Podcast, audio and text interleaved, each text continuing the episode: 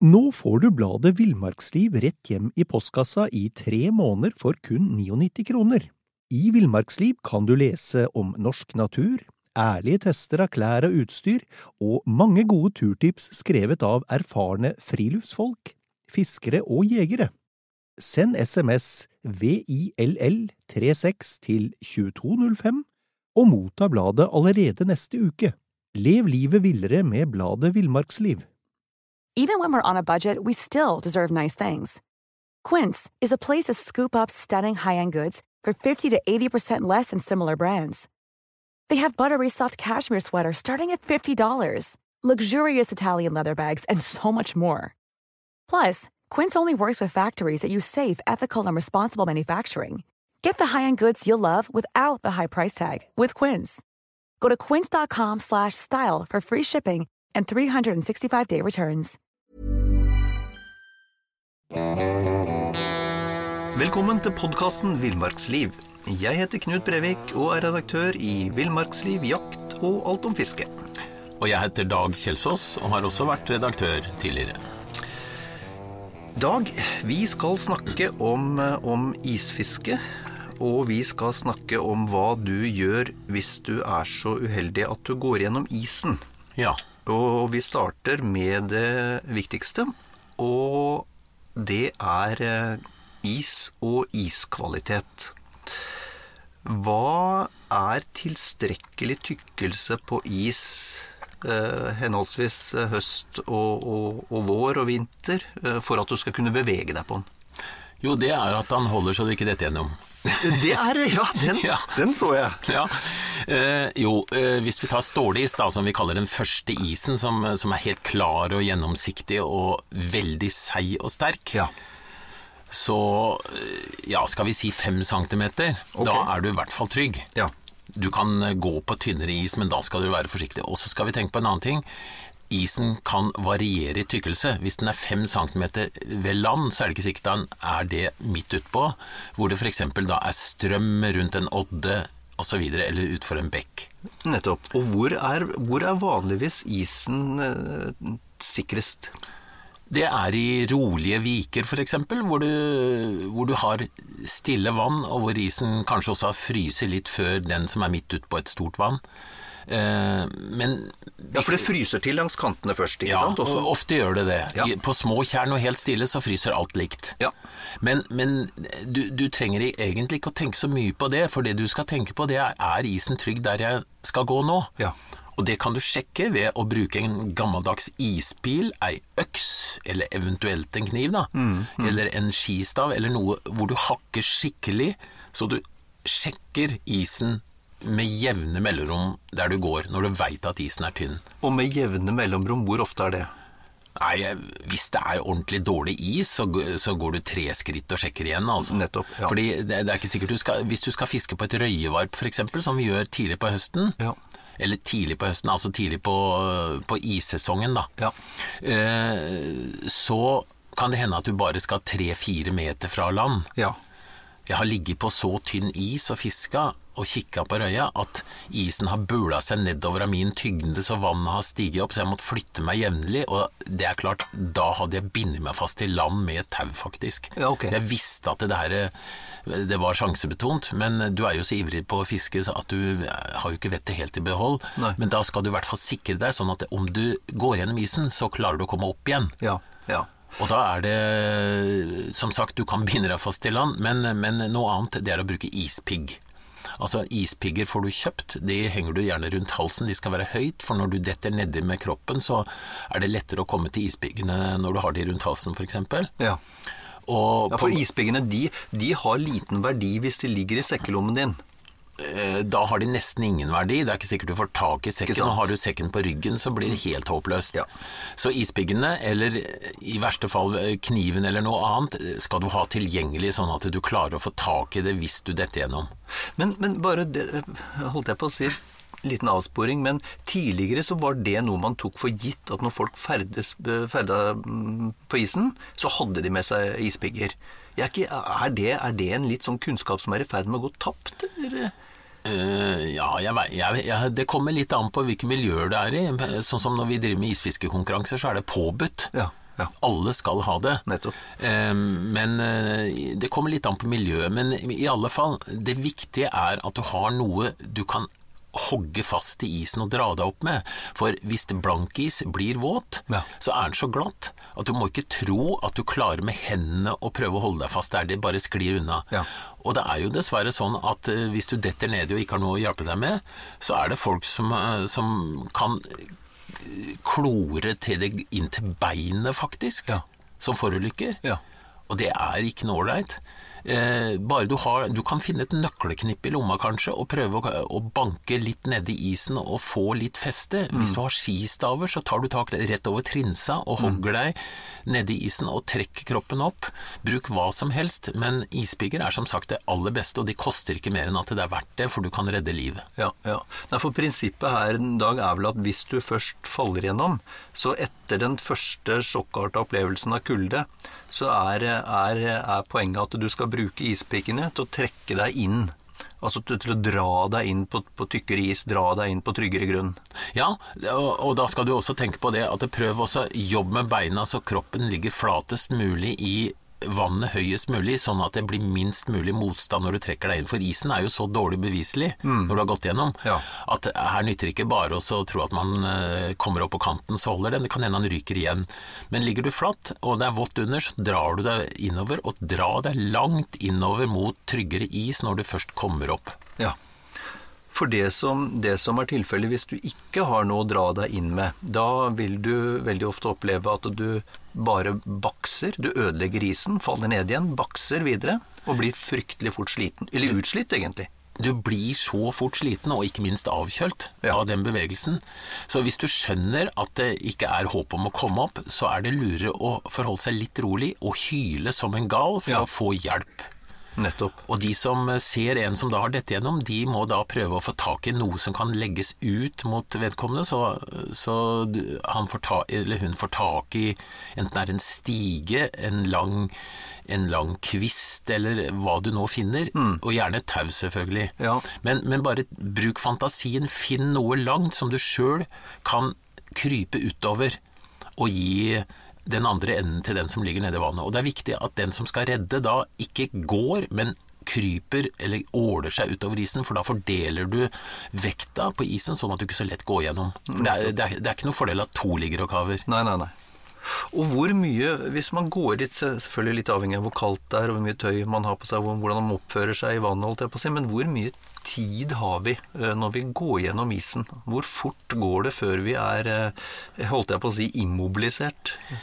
Det varierer nok veldig mye etter hvor mye klær du har på deg, eh, hvor mye fett du faktisk har som isolasjon rundt kroppen, og mange, mange elementer. Men jeg husker en gang faren min datt gjennom, det var på vårisen, men vannet var jo kaldt selvfølgelig. Ja. Og han lå faktisk ganske lenge nedi der. Han skjønte med en gang at han, han klarte ikke å komme opp.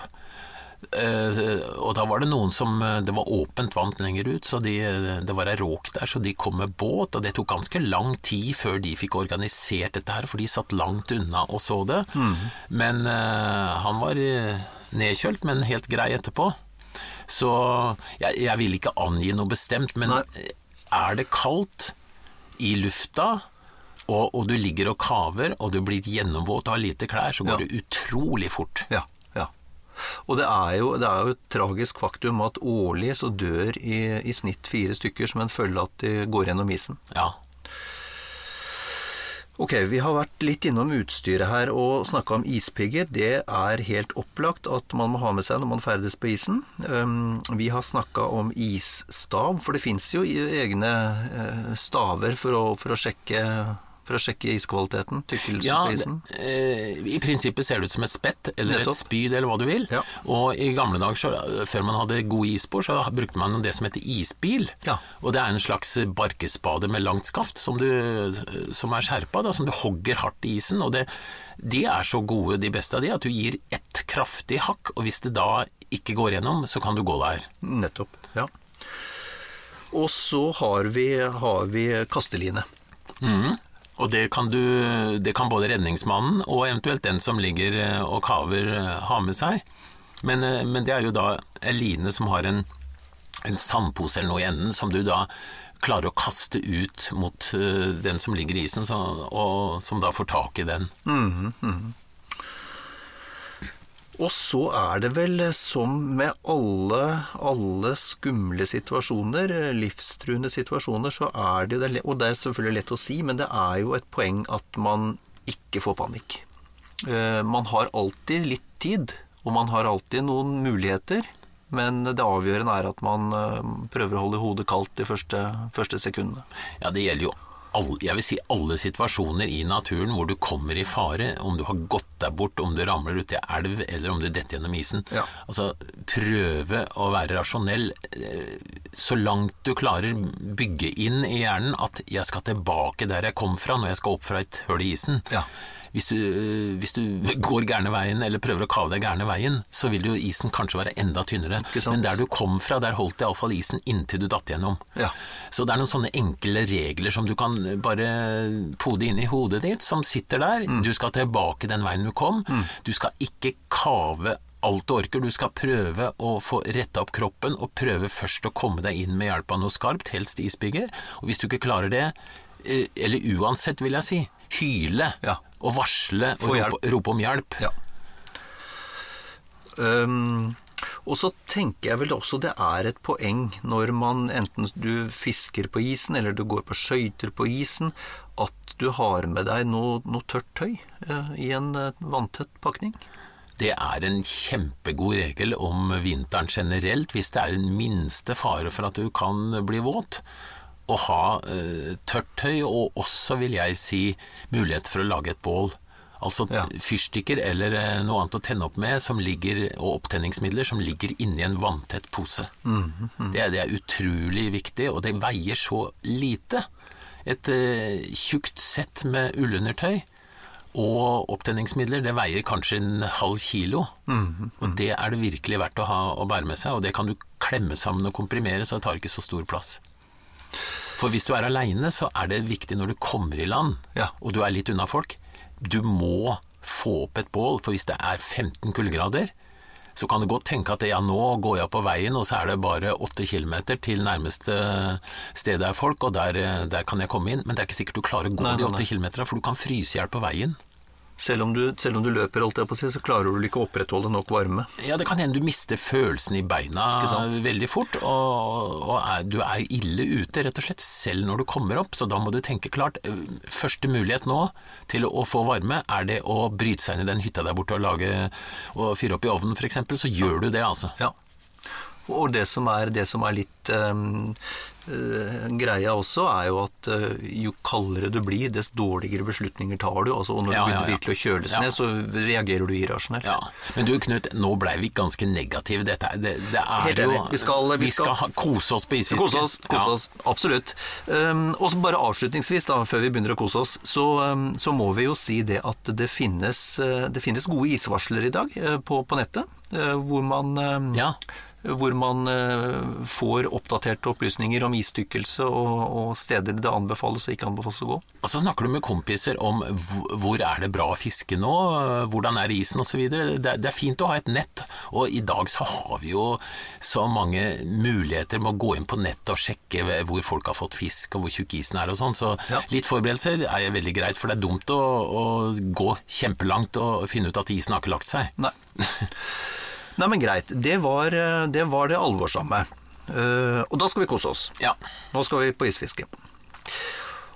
Dag, du har eh, ikke bare vet jeg du har fiska veldig veldig mye på egen hånd overalt og etter all slags type arter, men du har jo også fis, drevet med isfiskekonkurranse, du. Så du er jo, du er jo godt skodd til å, å gi oss noen gode tips her. Og hvis du er forholdsvis fersk eh, som isfisker, og du har lyst til å få fisk, eh, og dette kan jeg litt om, for jeg hadde også lyst til å få fisk, og prøvde meg eh, noen ganger, og, og fikk ikke så mye fisk da, kan du si. Men hva ville du gjort da, Dag? ja, det kommer jo an på hvor jeg bor hen. Ja. For eh, hvis jeg bor i Nord-Norge, så ville jeg jo gått til et sted hvor det var bra røybestand i et vann, Ja. og, og fiska etter den. Ja. Eh, hvis jeg bodde i Østfold, og det var bra is, så ville jeg prøvd å fiske abbor. -hmm. så, så det kommer litt an på det, men, men i alle fall eh, dra først til et vann hvor det er kjent at det er greit å, å få fisk, at du, får- at du får litt fangst. For det varierer jo veldig. I, i de treigeste røyevannene så kan hende røya bite bare ti minutter en gang på dagen, ikke sant? I motsetning til der det er overbefolkning hvor røya slåss for å bite. Så, men, men eh, igjen så kan du gå på nett og få masse tips. Ja. Men, men eh, gå i fall, dra iallfall et sted hvor det er kjent at du kan få litt fisk. Ja. Eh, Men la oss, la oss holde oss på røye, da, for det er jo, det er jo litt sånn stasfisken i, for, for isfiskere. Eh, Hva fisker vi røye med? Hva slags teknikker, hva slags metode bruker du? Når fisker du? La oss snakke litt om røye. Ja, For det første så er jo det tradisjonelle på røyefiske det er røyeblink. Eh, Det er ei ligner litt på en sluk, men litt større ofte, og den skjener gjerne litt i vannet. Ei Er en slags skje.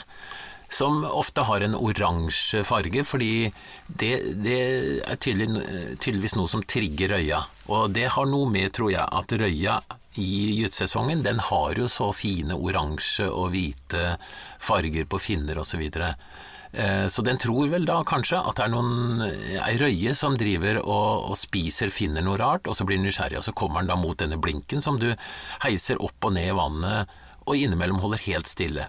Og der nå holder den forholdsvis rolig og beveger, bare dirrer litt i pilkestikka, Ja. som du da vanligvis får røya. Og da biter jo den på en krok som henger i kanskje 10 cm sene under røyeblinken. Og den kroken er ikke så veldig stor, men den er agna da med maggot ofte. Hva Altså, slags krokstørrelse snakker vi om da? nei, du kan prøve tolv, kanskje. Eh, I hvert fall er kroken Den er som uh, den, er, den er ikke større enn at, at du Du må ikke dekke hele med maggot. Nei. Men det må ikke være en kjempekrok, Uh, i hvert fall ikke der det er vanlig røye, da, av, av størrelse, skal vi si, på under halvkiloen. Hvis du skal fiske etter de virkelig store røyene, så må du ha både tjukkere sene og litt kraftigere krok, da, så, så du ikke røya retter ut den. Ja. Men i hvert fall så, så fisker du da ofte med maggot, som sagt. Altså fluelarver, da, som du får kjøpt. Og som du også kan lage sjøl, men det skal vi ikke fordype oss i, for det lukter vondt. og- Det er ikke noe du skal ha i stua i hvert fall. Det er jo fluer som legger egg i, i, i råttent kjøtt, ikke sant? Ja. Og så utvikler det seg larver, da. Ja. Men det får du kjøpt. Du kan også bruke meitemark, og du kan bruke mye fleskestrimmel, litt pølse, det er masse du, Akkar, for eksempel, noen som bruker nordpå. Ja. Så det er mange ting som, som kan brukes som agn. Men eh, det viktige er at det danser litt opp og ned i vannet, men ikke mye. Og, og røya blir da trigga og, og tar det. Og hvordan, hvilke dyp er det du fisker på? Ja, det varierer veldig. I noen vann eh, så går røya i stimer opp i vannlaget, altså pelagisk. Ja. Eh, da kan hende at det er 20 meter dypt, og du får fisken på 10-15 meter f.eks. I andre vann så fisker du på kanskje bare en drøy halvmeters dyp, selv etter stor røye. Ja. Uh, og da går røya og beiter på helt andre ting, for røya den, uh, som alle fisker, den spiser det som det er enklest å få i seg næring eh, fra, som det kan være plankton nesten, og det kan være altså, større sniler, eller det er masse forskjellig den kan spise. Mm. Uh, utover våren så vil du se at det er ganske mye liv nedi vannet av småkryp, uh, og da, da er jo røya veldig på farten. Men eh, tidlig på vinteren så er det ikke sikkert det er riktig så mye, men den går der, og den er bitevillig. Men, men det, det du sier at den er mer stasjonær tidligere på vinteren? Den jager mer rundt utpå vårparten? Ja, det gjelder nesten all fisk når du, når du fisker på isen, at når du begynner å, å bli varmere i lufta og vannet mer lys, så blir det mer fart i fisken. Men, men med røya så har vi jo det at røya gyter seint på høsten. Så det, vi kaller det røyevarp, de stedene hvor den gyter, og der er det litt sand og litt stein kanskje. Spesielle plasser som du bør kjenne til eller finne ut av, se hvor andre har bora høl. Og, og der går røya helt på bånn. Og dypet kan være kanskje, ja, si det tre meter hvis du skal ha et snitt, da, men, men som sagt, det varierer veldig. Er det, holdt jeg på å si, i forhold til å, å få røye, um, hvilke, hvilke tider på året bør man fiske da? Er det, er det senhøstes, midtvinteren, tidlig om våren? Altså, når er sjansene optimale for å, for å gjøre en god røyefangst på isen? Eh, det varierer nok litt grann hvor du er. Eh, jeg har gjort kjempefangster på den tynneste første isen, mm, som er trygg. Eh, men også på den siste isen, når du, når du faktisk Altså når, når, når, isen er i ferd med å gå, nesten. Ja. Og da skal du, som vi innledningsvis snakka om, være veldig forsiktig, for den råtne vårisen er faktisk nesten verre, syns jeg, enn stålisen. For mm. stålisen mm. den, er, den, den, forteller hvordan det ligger an, men, ja. men, vårisen er eh, vanskeligere. Men i alle fall, hvis du har trygge forhold, så kan, kan før isen går, så kan det være veldig bra. Mm. mm. Jeg fortalte jo at jeg hadde prøvd det til å begynne med da jeg var ung gutt, og var med på, på noen røyefisketurer. Og der tror jeg ikke røya hadde noe særlig aktivitetsnivå i det hele tatt. Fordi, Fordi vi fikk ingenting, i hvert fall. Men, eh, men eh, hvis, hvis det er helsvart, altså har du noe knep, har du noe triks du bruker for å på en måte tirre, lokke til deg røya, tirre røya til å bite? Du, du kan fòre, som det heter. Ja. Og det er å, å, slippe ned godbiter som blir liggende på bånn. Og når røyestimene kommer, så, så begynner de å spise av det. Og så tror jeg de lærer seg det stedet, sånn at de kommer igjen og, og, spiser der. Så forskjellen på et sted hvor det ikke er fora og hvor det er fora, kan være veldig stor noen ganger. Ja, For da holder røya seg i nærheten av det fora. ja, da, da, da, kommer den innom der. Og da, hvis du kommer tidlig på morgenen, som er en veldig fin tid å fiske røye, så kan du oppleve at det står ganske mye fisk der du har fôra. Men det vi skal si når det gjelder fôring, det er at hva fôrer du med? Ja, Det var det jeg skulle fram til. At vi skal være litt forsiktige med å fôre mye med ost, som, eh, som mange gjør. No. For det viser seg at røya den kan altså da spise ost som blir Magen ser ikke ut, den er helt rund. som oss andre, med andre ord. Ja. Men problemet med røya, den får ikke bæsja hvis den spiser for mye. Akkurat. Og den, den kan få Altså, det går seint med alle alt som skjer i kroppen når det er kaldt i vannet. Ja. Og hvis du har en type ost som da setter seg fast i magen, så kan du faktisk drepe røya, ja, eller ørreten, da. Eh, jeg har gått over til å bruke mer reke, f.eks., som jeg maler opp. Ja, som er lettere fordøyelig for røya. Eh, så, så, og du kan bruke mange forskjellige ting, da. Mm. Men, men, men, eh, du kan male opp meitemark, f.eks., eller biter av meitemark. Du kan bruke mye rart. Eh, og du får også kjøpt fiskefôr da, som skal lokke til seg fisken. Men, men, det er jo en fordel at det er lyst, eh, sånn som f.eks. reke. da. Ja. Fordi da ser du også bånd, for det er jo noe av hemmeligheten med røyefiska, at du kan få bedre fangster hvis du ligger og kikker. For da ser du akkurat hvordan du skal bevege agnet for at røya skal ta. Ja. Og du ser når han tar, så du får gitt tilslag i rette øyeblikket. Og så er det innmari spennende, da. Naturligvis. naturligvis. Men, men, men har, det noe, har, det noe, poeng i å drive og flytte seg rundt? Altså er, er det vel så effektivt å holde seg til det, de hulla man har bora tidlig på morgenen, eller, eller, bør man flytte seg rundt i vannet hvis du ikke opplever noe, noe napp? Eh, det går røye stimer ofte. Og du, hvis det er mange som fisker på isen, så kan du legge merke til at den som sitter i utkanten av et område, plutselig får fisk. Også for en som sitter kanskje på litt lenger inn mot midten av, av, det området vi snakker om, eh, så får den fisk. Og da kan du til en viss grad faktisk følge stimen, hvis du er veldig eh, kikker nøye og er litt taktisk. Akkurat. Eh, men i utgangspunktet så er det ikke alltid så lurt å flytte seg, for stimene kommer og går. Mm, mm. Hvis du har en god nå får du bladet Villmarksliv rett hjem i postkassa i tre måneder for kun 99 kroner. I Villmarksliv kan du lese om norsk natur, ærlige tester av klær og utstyr, og mange gode turtips skrevet av erfarne friluftsfolk, fiskere og jegere. Send SMS VILL36 til 2205 og motta bladet allerede neste uke. Lev livet villere med bladet Villmarksliv.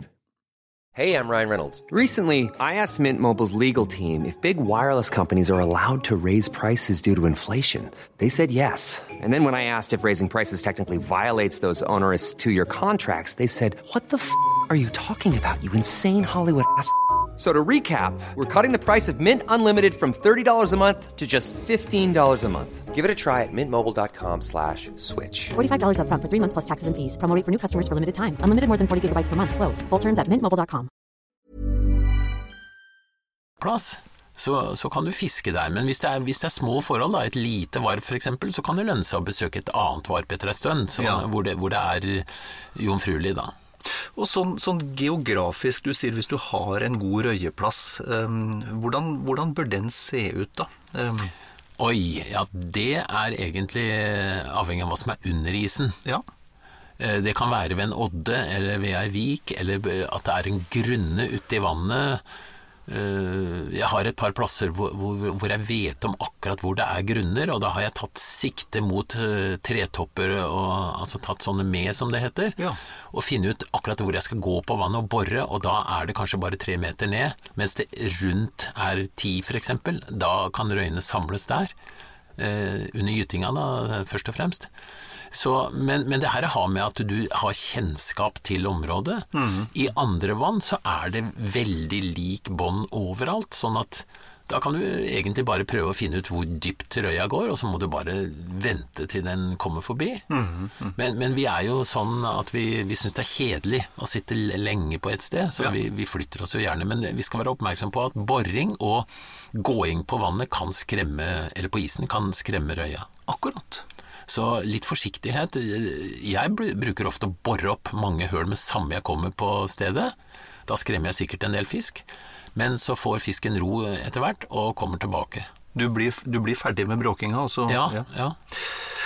Vi har snakka mye om, om røyeblink. Um, er det den eh, er, Jeg skjønner at det er den eh, sikreste metoden, men fins det andre, eh, andre metoder å fiske røye med? Ja, jeg har brukt mye mormyrska, som jo har, er blitt veldig vanlig på mange former for fiske etter hvert. Og det er jo da en, en liten dråpeforma sak med en krok på, som kan se ut som et lite insekt eller et eller annet som beveger seg ned i vannet, gjerne med litt fin farge. Kan være oransje og, og rødt til røya, Okay. som du agner med en maggot eller to. Ja. Eh, Jeg bruker også den metoden at jeg har to hull ved siden av hverandre. Jeg har en mormyrska liggende på bånn ved det ene hullet, og så har jeg en røyeblink på det andre. Og hvis, hvis røya kommer og ikke vil ta, så legger jeg blinken på bånn, og så bruker jeg mormyrskaen å fiske med. Den er mye mer forsiktig og liten, og kanskje ikke skremmer røya så mye. Det var listig. Ja ja, det, vi, vi skal jo være sleipe for å få fangst noen ganger. Akkurat, ja. Skjønner. Andre utstyrs- eller metodetips i forhold til, til røye i røyedag? Ja, det, for en del år siden så var det jo, kom det på markedet blinkende eh, sånne plastsaker med blinkende lys inni. Ja. Og det har jeg virkelig erfart at eh, om natta så kan du få, særlig om natta da, når det er mørkt, så kan du få betydelig mer fangst hvis du bruker en sånn i forhold til om du ikke bruker det. Ja. For røya tiltrekkes av dette blinkende lyset. Akkurat. Fargen på lyset, ja, jeg bruker ofte grønt. Men uh, du kan bruke, du får det i rødt og hvitt og mye forskjellig. Uh, denne kan du uh, da henge inni blinken, som er tilpassa å bru, bruke en sånn, eller, eller du kan rett og slett bruke den som kombinert søkke og, og, og som henger med krok under, da. Akkurat, ja. Og det, det er helt utrolig effektivt noen ganger. Men du sier natta. Uh, vil det si at røye kan fiskes døgnet rundt? Er det, det er ikke noen sånn utprega perioder som er bedre enn andre? Jeg har fått noen røyefangster på natta som har vært helt eventyrlige. Ja vel. Så vi skal ikke glemme at, eh, at det kan være effektivt å fiske om natta, men, men som sagt da helst ikke bare med sånn blinkende lys, men, men ofte så, så gir det Eller når, når jeg har hatt valget, så har jeg brukt det, da. Ja. Og nå blir jeg nysgjerrig. Hva er den største røya du har fått, Dag? Ja, snakker du om isfiske? Ja. Nei, på isfiske har jeg ikke fått over to kilo. Ok. Men det er en anselig fisk, det, da. Ja ja, det er jo flott fisk. Men det fins puddinger som er større enn det. altså. Akkurat. Ja. Um, Jo, vent litt, jeg kom på at jeg har fått ei større, men det spiller ingen rolle. holdt den igjen, den, altså. Bra. Um, Røye, ja. Er vi um, Har vi sånn i grove trekk vært gjennom uh, Røya da, Dag? Ja, jeg tror det. At, eh, at hvis, du, hvis du får peiling på et vann hvor det er bra med røye, og ser hvor andre har bora og bruker røyeblink med maggot, så er du egentlig veldig langt. Hvis vi, hvis vi hopper over til en, eh, en art som i hvert fall her eh, sør på østpå er litt, eh, litt vanligere, abboren. Ja. Hvordan går vi til veie når vi skal fiske abbor? Jo, det, det, det er ikke så lett å si med ett ord, fordi det er veldig forskjell på abborfiske tidlig og seint på eh, vinteren, og det er forskjell på vann. I, I noen vann så går abboren veldig grunt, i andre så kan du Jeg har fått abbor helt ned til 25-30 meter. Men, men eh, i snitt kan du si at dybden på abborfiske den kan- det er kanskje rundt tre meter, eller eh, noe sånt. Ja. Og abborfiske er jo egentlig greiere på den måten at abboren er veldig mange steder i et vann. Så du, du kan flytte deg og leite til du finner den. Du vil vanligvis få litt abbor eh, både her og der, men eh, så kan du da leite for å finne de beste stedene, for abboren går i stim. Og så, så litt av taktikken når det gjelder abborfiske, det er å leite til du finner abboren. Og særlig tidlig på vinteren, på nyis og sånn, så står abboren mye i ro. Og da jeg har opplevd det mange ganger at jeg får én eller kanskje to abbor i hvert høl. ja.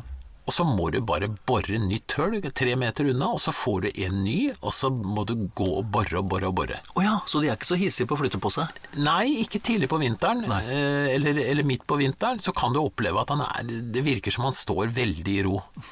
Og da må du treffe rett foran nesa på den, mer eller mindre, for å få den til å bite. Ja. Eh, andre ganger så kan du oppleve at eh, går i stim og beveger seg, og du kan trekke stimen til deg, og du kan, ha, du kan dra opp 30-40-50 abbor i ett høl hvis, har- hvis det er maks.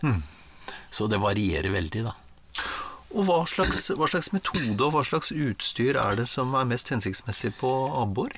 Jeg bruker det Hvis det er mulig å få bra med fisk på det, så bruker jeg det vi kaller pimpel, som er en vertikal pilk på skal vi si 3-4-5 cm, litt avhengig av, av hvor stor fisken er osv. Mm um, som det noen en, en centimeter nedafor tuppen på den, så henger det da en sånn lyskrok. Ei, kall det ei flue med tre kroker, en trebelkrok eh, som du kan ha en plastmasse på av eh, farge av forskjellig type, eller, eller noe ull som gjør kanskje at, at lukt henger i, og at det, at det gir en litt større sjanse til å få fisk. Akkurat. Ja. Og dette agner vi da veldig ofte med maggot. Eh, du kan bruke meitemarkbit. Du kan bruke andre ting òg, men det er vel de to som er mest vanlig. Eh, og denne her, den slipper du da ned til bånn, og så trekker du den opp noen, kanskje 10 centimeter, og så napper du den opp. Så lar den skjene ut til sida, og så sige tilbake til utgangspunktet. Og abboren biter ofte da mot slutten av den bevegelsen jeg nevnte nå. Ikke spesielt kresen abbor, altså. Hvis du treffer abboren i bettet, så, så er det spørsmål hvor rask du er til å heise opp og ta abboren av kroken. Akkurat. Altså, det, det, du kan slippe da den, denne pimperen ned. Du trenger ikke å bevege noen ting, du bare lar den henge der, og, før den får roa seg, så biter den igjen. Det, det er helt utrolig hvor mye abbor du kan få. Det er, nå snakker vi om abbor som ikke er så veldig stor. Da. Altså, Ja. sånn Kilosabbor biter ikke så fort og så tett, Nei. for de er det heller ikke så mange av. Nei. Men, men eh, sånn abbor som er sånn på kanten til at den er grei matfisk, Ja. da, da kan den ta en eventyrlige mengder. For det er en god matfisk, abboren. Du, abboren er så nydelig. Det er en eh, For, eh, jeg vil si for mange så er det en undervurdert matfisk. Sprøstekt abbor, hvor du har fått vekk det meste av beina, det er jo Du kan spise det hver dag i 14 dager. Vi må snakke litt om ørret òg, Dag. Det er jo på en måte nasjonalfisken vår, i hvert fall i Innlandet. Ehm, hvordan fisker vi ørret om vinteren? Ja, eh, jeg er ikke så veldig glad i ørretfiske om vinteren i alle sammenhenger, fordi i mange vann og i mange forhold så er ørreten litt slank om vinteren og ikke så god matfisk. Ja. Ørret som har gytt, den, er, den trenger noen måneder på å komme seg opp i, i form igjen. Og er ikke noe fin matfisk, og ikke noe morsom å ta heller om du skal slippe den ut igjen. Og bare for å nevne det som en sideting, hvis du skal slippe fisken ut igjen, så ikke la den komme ned på kald is, kald, tørr is. Da forsvinner slimlaget på fisken, og da dør den etter en stund. Oh. Så vær veldig forsiktig og få den av kroken, helst før du får den opp av hølet hvis du skal slippe den ut igjen. Akkurat. Men eh, for å fortsette med ørreten. Eh, du kan oppleve i noen vann at det er veldig fin ørret som matfisk. Mhm. Eh, og det, selvfølgelig er fisk som ikke har gytt denne høsten, Mhm, er jo da å foretrekke. Ja. Hva med gjedda? Ja, du vil ikke vite hvordan jeg fisker ørreten? Jo, Jo. glemte jeg å spørre om det? Ja! jo, eh, altså ørreten tas jo i mange sammenhenger på ståsnøret, da. Ja. Det, det vil si, du bruker meitemark, et lite søkke 10-20-30 cm over der, og så en meitemark på krok. Og så kan du bevege sakte på den, eller du, du setter ut noen snører. Men eh, nå skal vi ikke overdrive det fisket, for det er enkelte som da liksom setter ut 20 snører og, og kan knekke en ørretbestand under enkelte forhold, da. Det vil vi ikke. Nei, det vil vi. Det er ikke noe moro, og det er ikke noe ålreit heller. Nei. På noen måter. Men, men i hvert fall um, Det det er ikke garantert at du får masse fisk på ståsnør, bare så det er sagt, men det er en veldig utbredt metode mange steder. da. Mm. Og da setter vi gjerne en, en uh, liten kjepp eller en uh, kvist i snøen, og så fester vi snøret over den kvisten, men pass på at da pilkestikka, eller hva du bruker, at den er festa i, på en måte som gjør at ikke fisken drar av gårde med den hvis den biter. Da. Eh, ellers så kan ørreten fiskes med mormyrska. Ofte på litt grunne områder. Nær elveutløp osv. Og, og det er et veldig ålreit fiske. Eh, snakker vi om stor ørret, så er vi over på balansepilk. Og da snakker vi om at du kan ta ordentlig storørret. Skikkelig fisk. For det, ørreten jakter jo I et vann med røye, så jakter jo den på smårøye, f.eks. eksempel Eller den kan jakte på småsik eller krøkle eller hva som er i det vannet. da. Og balansebilken skal jo da etterligne noe sånt. Så det er en eh, veldig spennende fiskemetode. Er det, er det hele, hele vinteren, eller snakker vi mer om vårfiske da? Eh, du kan få ørreten hele vinteren, men eh, ørreten som de andre, det er ofte mer bevegelse utover våren. Så iallfall har jeg fått mine fineste ørreter på, på slutten av vintersesongen. vintersesongen. Og jeg minnes å ha sett et bilde av deg av en veldig, veldig stor ørret tatt på isen. Ja, ja, jeg har fått den på 6,9 kilo, men eh, du skal ikke 6,9 kilo, Ja, ja. men du skal ikke forvente at du får det. Nei, det gjør jeg ikke. Og det, det krever dessuten at du er veldig forsiktig når du kjører fisken. Altså når den har bitt på. Det nytter ikke å dra den rett opp av hølet. Nei. Da må du jobbe en stund og sørge for at det alltid er snøre som kan trekkes ut av Enten det ligger på isen eller det ligger, er på snella, så må du sørge for at fisken kan ruse litt. da. Akkurat. Og det gjelder også gjeddefiske, som du var på gang Ja. med. Eh, store gjedder tas jo på isen. Eh, veldig ofte på en død mort, f.eks. Mm. Du fester en trebbelkrok eh, ved ryggfinnen, senker den ned kanskje, kanskje et sted hvor det er fem-seks meter, så senker du den ned kanskje tre meter. Og så beveger du litt i det, eller lar det bare stå der. Og da har du I noen sammenhenger så kan vi ha sånne nappvarslere. Det er et skudd som går av, et flagg som eh, plutselig vaier, fordi det utløses av at snøret dras ut. Sånne ting fås kjøpt, eller vi kan eventuelt lage det sjøl. Og for, for gjeddefiske, det er hovedsakelig Da snakker vi hovedsakelig agnfiske. Ja, men eh, du kan også Du får jo tilfeldig så får du også gjedder på alt annet du fisker med, for gjedde er jo en rovfisk som tar det som rører seg ofte. Den er ikke noe kostforakter. Jeg har fått uh, ganske stor gjedde på mormyrska, det skal jeg love deg. Hvis du da har 0,10 sene. Oi, oi, oi. For mormyrskaen fester seg da helt ytterst på tuppen av nebbet til gjedda, og da ryker ikke snøret av tennene som Nei, ofte nei, gjør ellers. Nei. Og da er spørsmålet hvor flink du er til å kjøre fisk, Akkurat. og litt med flaksen. Ja. Men jeg har fått gjedde gjedde på halvannen kilo på 0,10-scene, og det er en uh, Da har du hatt en utfordring en stund. Da skal du i hvert fall være tålmodig. ja, ikke Altså, det, jeg vil si sånn generelt. Ikke tenk at all fisk skal dras opp av hølet så det spruter med samme man har bitt i. For det er noen som gjør det. Og jeg har sett folk miste røyer på to-tre kilo fordi de skal på liv og død ha den opp av hølet med en gang. Du kan kjøre fisk også på isen, altså. Og det bør du gjøre, fordi det er ikke eh, all fisk som har så veldig lyst til å gå, komme inn og gå med huet rett opp gjennom et sånt et høl, altså. Eh, og i den forbindelse bare nevne én ting som er viktig. Ja. Hvis du fisker etter litt større fisk, ha en isfiskeklepp. Ja. Og den kan du lage sjøl hvis du ikke kjøper den. Det er så enkelt som en, eh, en litt kraftig krok, en laksekrok eller en sjøfiskekrok, som du fester i enden av en pinne, for å si det enkelt. Som du da kan stikke ned i hølet og huke fast i fisken. Men det gjør du ikke hvis du skal slippe fisken ut igjen, selvfølgelig. Men det er hvis det er en fisk du skal ha. Naturlig nok ikke. Ja. Nei. Når vi snakker om stor fisk, så, så, så renner det meg bare i hu fra, fra min barndom. Jeg, jeg, som jeg har fortalt, jeg har ikke hatt den helt store suksessen på isfiske, men, men jeg husker da ble det arrangert konkurranser med ganske, ganske betydelige premier. Jeg mener å huske at det var snakk om biler ja, som ble gitt bort. Ja, ja, ja. Det, isfiskestevner eh, før og nå, det er, det, det er forskjellig. Ja, ikke sant? Jeg også, jeg, da jeg var liten gutt, så var jeg med faren min på isfiskestevne hvor jeg husker det var en Moskvitsj som førstepremie. Nei, for det, altså, isfiske var jo ganske stort, det. Og Det, var, det var, altså NM var svære greier, og det var konkurranser som sagt med betydelige og verdifulle premier til, til første, førstemann. ja, ja.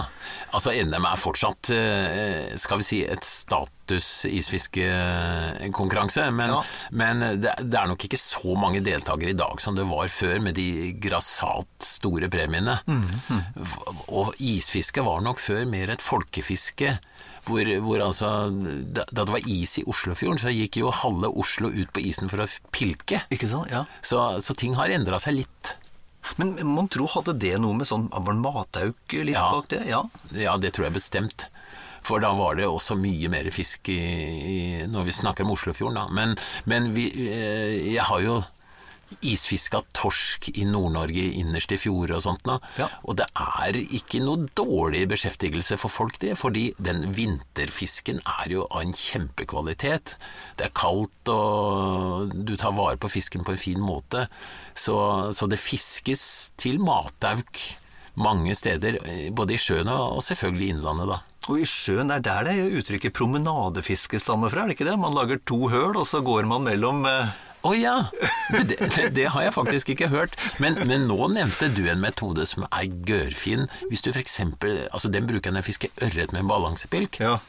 Fordi du veit ikke helt hvor djupt fisken går. Ørreten kan gå like under isen, og han kan gå ned mot bånn. Ofte går den midt imellom. Men da har jeg ei pilkestikke i hver hånd, og så lager jeg på en måte en sti mellom to høl, og så beveger jeg meg fram og tilbake sakte, og da kan jeg finne ut på hvilket dyp fisken er Ja, ja, ja. ved hjelp av to pilkestikker, og det er jo litt mer effektivt, tror vi da, men jeg er ikke overbevist. Altså Hvis fisken først er i området vi biter, så, så kommer den nok til der du er òg. Mm. Men iallfall har jeg gjort det noe, så jeg har vel kanskje promenert, jeg òg, da. Men Dag, eh, for oss som nå skal ha lyst til å prøve oss på isfiske, hva er, det, hva er det viktigste å tenke på, og hva er det sånne som jeg oftest gjør feil når vi ender opp med ikke få all verden? En feil du kan gjøre, det er at du ikke har kledd på det ordentlig, ikke har bra nok på beina. Hvis du fryser, så er det ikke noe moro å drive med isfiske. Eh, så vil jeg si, hvis du er uerfaren, heng deg på noen andre. Gå et sted hvor noen driver med isfiske. Få eh, gode tips. For eh, de som driver med isfiske er veldig ofte meddelsomme og syns det er hyggelig å fortelle deg hva du kan gjøre for å få fisk, du også. Eh, og som sagt, eh, sats på, den, på de vannene hvor det er bra med fisk, hvor du på nett eller på andre måter skjønner at her kan vi prøve oss. Og i nord vil jeg nok satsa på røye, og i, kanskje i sør på åbor. Veldig bra. Da skal du se det blir isfisker av meg til slutt òg. ja ja, vi får håpe. Kort og godt bruk av kikkert under jakt. Dag, jakt og kikkert, hva skal vi tenke på? Eh, vi skal tenke på at vi har en kikkert som er passe tung og stor i forhold til bruksområdet. Det vil si den skal være grei å bære med seg, Ja. og den skal ha en eh, forstørrelsesgrad som er behagelig i forhold til det vi eh, kan håndtere. Det vil si, det må ikke være så stor forstørrelse at det blir anstrengende å bruke den. 15-20 ganger begynner å skjelve, Ja, da skal du ha støtte. ikke sant? Jeg tenker at åtte til ti er det du klarer å holde rolig uten støtte til nød, men at du helst bør bruke støtte alltid da. Ja. Så en åtteganger eh, Du får ganske kompakte åtteganger-kikkerter, og du må ikke ha all verdens lysstyrke hvis du skal bruke den til normalbruk. Hvis du skal drive med skumringsjakt og sånne ting, så må du begynne å tenke på at eh, han er litt mer lyssterk. Ja. Men eh, åtte ganger 20 kan faktisk være nok til vanlig bruk, og da får du en veldig liten kikkert. Dags, dagsbruk. Ja. Og litt om, om bruken av kikkert. Hvordan jobber man eh, metodisk med kikkerten?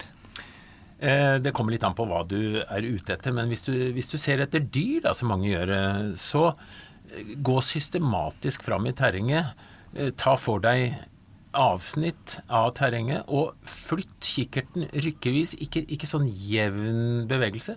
Hold den rolig og se over et terreng, og så flytter den litt, og så holder den rolig og ser over det terrenget, for det er lettere å se bevegelser i terrenget hvis du sjøl holder kikkerten rolig. Ja. Jeg liksom har et bilde inni huet at man maler litt over terrenget. Man liksom dekker Ja. terrenget med Det, det, det er viktig å tenke at du faktisk ser på terrenget som et kart omtrent. Ja. Eh, lag firkanter, eller la den bekkedalen eh, være et skille, og la den fjellknausen være et skille. Altså, sånn at du får med deg alt. Hvis du da er ute og f.eks. leiter etter eh, en villreinflokk, eller hva nå en ser etter. Ja, ja.